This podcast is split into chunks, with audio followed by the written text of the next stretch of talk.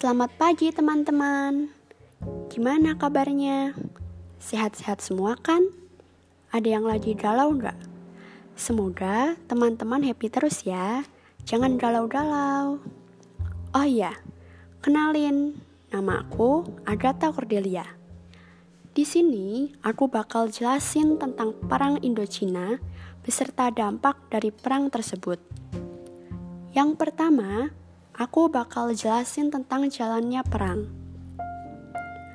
Untuk menghancurkan Vietnam Selatan, Ho Chi Minh mengirimkan pasukan Viet Minh menyusup ke selatan. Kader-kader komunisnya juga berhasil membentuk dan membantu gerilyawan komunis Vietnam Selatan atau Viet Cong. Banyaknya anggota Viet Cong yang menyamar menjadi rakyat membuat pasukan Amerika Serikat yang diturunkan sejak tahun 1965 sulit membedakan di lapangan. Salah satu pertempuran hebat terjadi pada tahun baru Tet 1968 atau The Tet Offensive. Akibat banyaknya korban di pasukannya, Presiden Amerika Serikat Richard Nixon mulai melakukan perundingan di Paris. Nixon juga mulai mengurangi pasukannya di Vietnam Selatan. Pada tahun 1972, pemerintah Amerika Serikat mengumumkan bahwa Indonesia, Kanada, Polandia, dan Hongaria pada prinsipnya sepakat untuk menjadi pengawas gencatan senjata di Vietnam. Namun, kesepakatan menjadi berantakan karena Viet Minh dan Viet Cong secara tiba-tiba pada tanggal 3 April 1972 melakukan serangan besar-besaran dan hampir saja menguasai Saigon, ibu kota Vietnam Selatan. Presiden Nixon marah dan mengeluarkan perintah meranjau semua lalu lintas laut yang menuju Vietnam Utara, menghancurkan semua jalur komunikasi dan transportasi Vietnam Utara. Keadaan dalam negeri Vietnam Selatan terjadi keretakan. Presiden Nguyen Van Thieu digantikan oleh Wakil Presiden Tran Van Hong.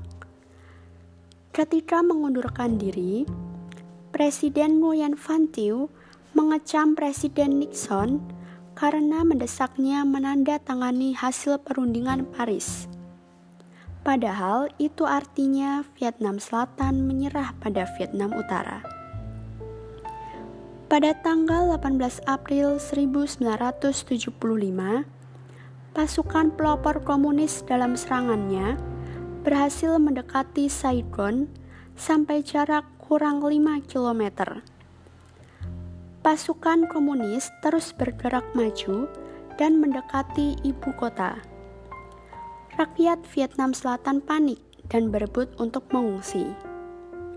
Pada tanggal 30 April 1975, Presiden baru Vietnam Selatan Duong Van Minh yang baru dilantik pada tanggal 28 April 1975 mengatakan menyerah tanpa syarat kepada Viet Cong.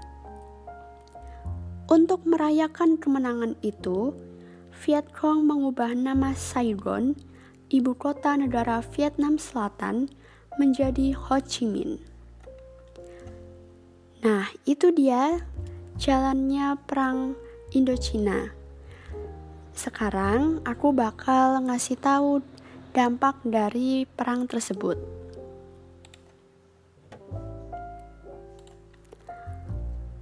Yang pertama, berkembangnya paham komunis.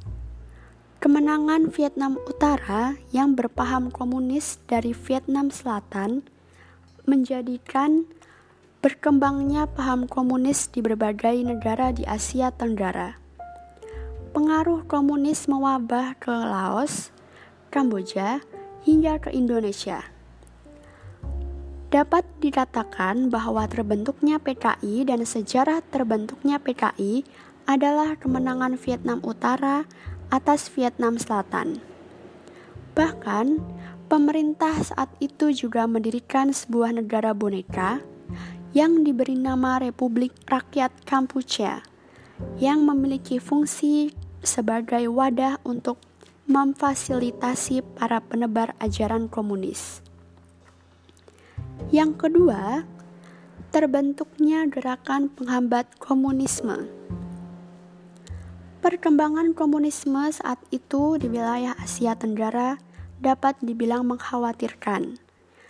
Apalagi mayoritas masyarakat masih berada pada kondisi ekonomi yang tergolong bawah, sehingga sangat mudah menjadi sasaran komunis selanjutnya. Mereka meyakinkan diri mereka untuk tidak setuju dengan pemerintahan yang tiba-tiba dibentuk. Hal tersebut menjadi kesempatan emas bagi negara-negara anti-komunis untuk memberikan dukungan kepada mereka.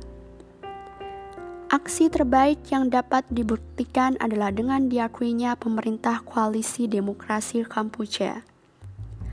Pemerintah tersebut merupakan pemerintah anti-komunis yang berada di Vietnam sebagai pemerintah pemerintahan yang sah untuk memimpin Kamboja dan wakil Vietnam untuk PBB. Hal tersebut sangat diapresiasi oleh PKDK sendiri dengan terus melanjutkan aksi untuk melawan paham komunis di tanah Vietnam. Yang ketiga, pertempuran di Kamboja. Perbedaan ideologi tersebut memberikan dampak konflik agama, yakni adanya peperangan antar saudara di Vietnam yang terjadi pada negara Kamboja. Pihak yang paling disorot adalah salah satu pemicu terjadinya perang ini pasukan Khmer Merah yang melanjutkan perjuangan perluasan komunis di area Kamboja. Perang pun tidak dapat dihindarkan sehingga terjadi peperangan sekitar tahun 1977 sampai dengan 1979. Lalu yang keempat, penderitaan warga akibat agen oranye. Dampak pasca Perang Vietnam pun harus dirasakan masyarakat luas akibat dari racun dengan kode agen oranye. Racun tersebut dilakukan oleh pihak Amerika Serikat pada perang tanaman atau herb waiver dengan Vietnam. Rakyat Vietnam yang tidak mengetahui hal tersebut dan sudah mengonsumsi tumbuhan yang terkontaminasi racun tersebut harus mengalami penurunan kesehatan secara bertahap. Nah, itu dia tadi teman-teman penjelasan Perang Vietnam beserta dampaknya. Sampai sini dulu ya. Semoga penjelasan tadi bermanfaat untuk kalian semua dan jangan lupa untuk selalu menjaga kesehatan dan selalu ceria. Terima kasih, dan sampai jumpa lagi.